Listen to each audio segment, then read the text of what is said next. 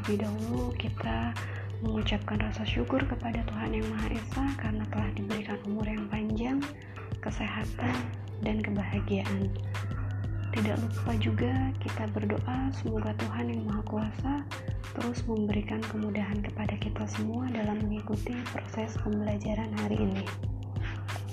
Tujuan pembelajaran kita hari ini adalah untuk memahami nilai-nilai Pancasila terkait dengan kasus-kasus pelanggaran hak dan pengingkaran kewajiban warga negara dalam kehidupan berbangsa dan bernegara. Dalam hal ini, kita akan mempelajari substansi hak dan kewajiban warga negara yang ada di dalam Pancasila. Di akhir pembelajaran pada hari ini, diharapkan kalian akan menjadi warga negara yang dapat benar-benar mengamalkan sila-sila Pancasila. Kita mulai saja. Yang pertama yang harus kalian pahami adalah bahwa ada tiga klasifikasi nilai dalam Pancasila, yaitu nilai dasar, nilai praktis, dan nilai instrumental. Nilai dasar adalah nilai yang berasal dari budaya bangsa yang bersifat abstrak dan umum, relatif tidak berubah, namun maknanya selalu dapat disesuaikan dengan perkembangan zaman. Pancasila sendiri memiliki lima nilai dasar yang sesuai dengan kelima sila yang ada di Pancasila itu sendiri. Sebagai nilai dasar, maka kelima sila ini diharapkan dapat menjadi sumber norma dan sumber hukum bagi bangsa dan negara Indonesia dalam menjalani kehidupannya sehari-hari. Namun, jika Pancasila hanya berupa nilai dasar, yang ada pada kelima sila tersebut, maka ini akan menjadi sangat rancu. Oleh karena itu, dibutuhkan nilai-nilai instrumental yang menjadi penjelas atau pemandu bagi kita semua untuk menjalankan apa yang diamanatkan oleh nilai dasar dalam Pancasila. Yang saya maksud dengan nilai instrumental yang akan menjadi penjelas itu adalah uh, nilai yang dijadikan sebagai parameter atau panduan atau koridor yang memungkinkan kita untuk mewujudkan nilai dasar Pancasila.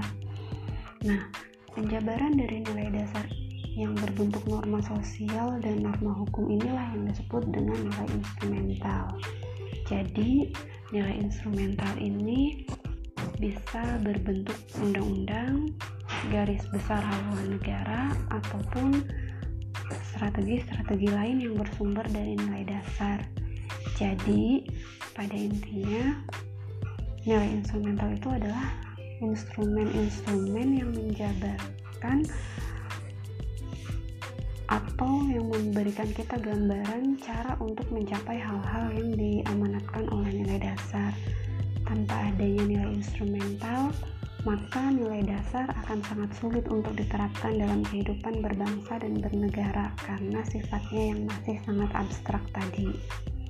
Kemudian yang berikutnya ada yang disebut dengan nilai praksis. Nilai praksis adalah perwujudan dari nilai dasar dan nilai instrumental dalam kehidupan berbangsa dan bernegara sehari-hari. Jadi nilai praktis dari Pancasila ini akan selalu berubah-ubah seiring dengan perkembangan zaman dan juga perkembangan dari nilai-nilai instrumental yang menjadi dasarnya. Sehingga dari ketiga hal ini kita dapat mengambil kesimpulan bahwa ketiga jenis nilai ini saling terkait satu dengan yang lainnya. Oleh karena itu, antara satu nilai dengan nilai yang lainnya tidak boleh saling bertentangan atau menyimpang dari tiap tingkatan nilai. Contohnya, untuk nilai dasar sila pertama ketuhanan yang Maha Esa, maka instrumen yang kita miliki contohnya ada pada pasal 28 eh ayat 1 yang berbunyi bahwa setiap orang bebas memeluk agama dan beribadah menurut agamanya, memilih pendidikan dan pengajaran, memilih pekerjaan, memilih kewarganegaraan, memilih tempat tinggal di wilayah negara dan meninggalkannya, serta berhak kembali. Kemudian di pasal 28E ayat 2 juga dinyatakan bahwa setiap orang berhak atas kebebasan meyakini kepercayaan. Di pasal 29 ayat 2 pun dinyatakan bahwa negara menjamin kemerdekaan tiap-tiap penduduk untuk memeluk agama. Jadi uh, dari instrumen ini kita bisa mengetahui bahwa pelaksanaan dari sila ketuhanan yang Maha Esa ini adalah kita harus saling menghargai keputusan seseorang, keputusan orang lain untuk memeluk suatu agama atau memilih agama. Nah, dari instrumen inilah kita pun akhirnya bisa bersikap sesuai dengan apa yang diamanatkan oleh nilai dasar Pancasila khususnya sila pertama ya ketuhanan yang maha esa yaitu dengan cara saling menghargai antar pemeluk agama tidak memaksakan suatu kepercayaan atau agama kepada orang lain tidak mengganggu ibadah agama lain dan sebagainya. Inilah yang disebut dengan nilai praksisnya. Semoga bisa dipahami. Selanjutnya apa substansi hak dan kewajiban warga negara di dalam nilai-nilai Pancasila. Untuk sila pertama, kita dengan bunyi ketuhanan yang Maha Esa kita bisa memahami bahwa memeluk agama dan beribadah ya, sesuai agama yang dianut itu merupakan hak bagi setiap warga negara sehingga kewajiban kita sebagai warga negara adalah menghormati pemeluk agama lain dan tidak mengganggu ibadah yang sedang mereka laksanakan. Sila kedua, kemanusiaan yang adil dan beradab. Sila ini sesungguhnya berisi tentang pengakuan manusia sebagai individu dan juga sebagai makhluk sosial, di mana kita memiliki hak untuk dihormati sebagai makhluk individu juga makhluk sosial. Maka kewajiban kita sebagai warga negara adalah menghormati harkat dan martabat manusia. Di dalam sila ketiga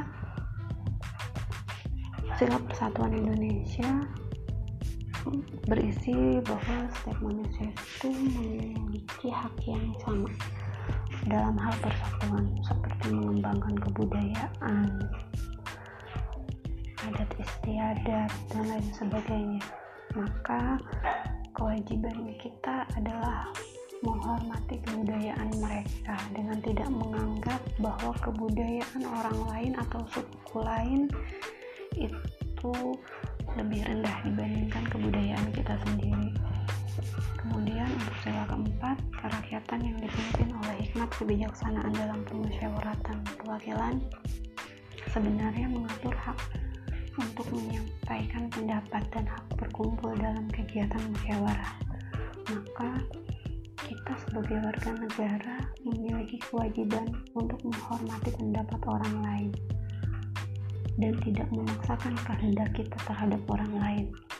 Terakhir, untuk sila kelima, ini sebenarnya mengatur tentang hak-hak orang lain bahwa setiap orang itu memiliki hak yang sama di segala bidang sehingga kita memiliki kewajiban menghormati hak-hak tersebut.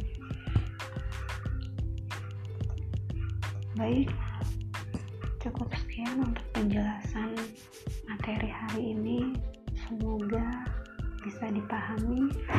Apabila ada yang tidak dimengerti, silahkan ditanyakan. Terima kasih. Wassalamualaikum warahmatullahi wabarakatuh.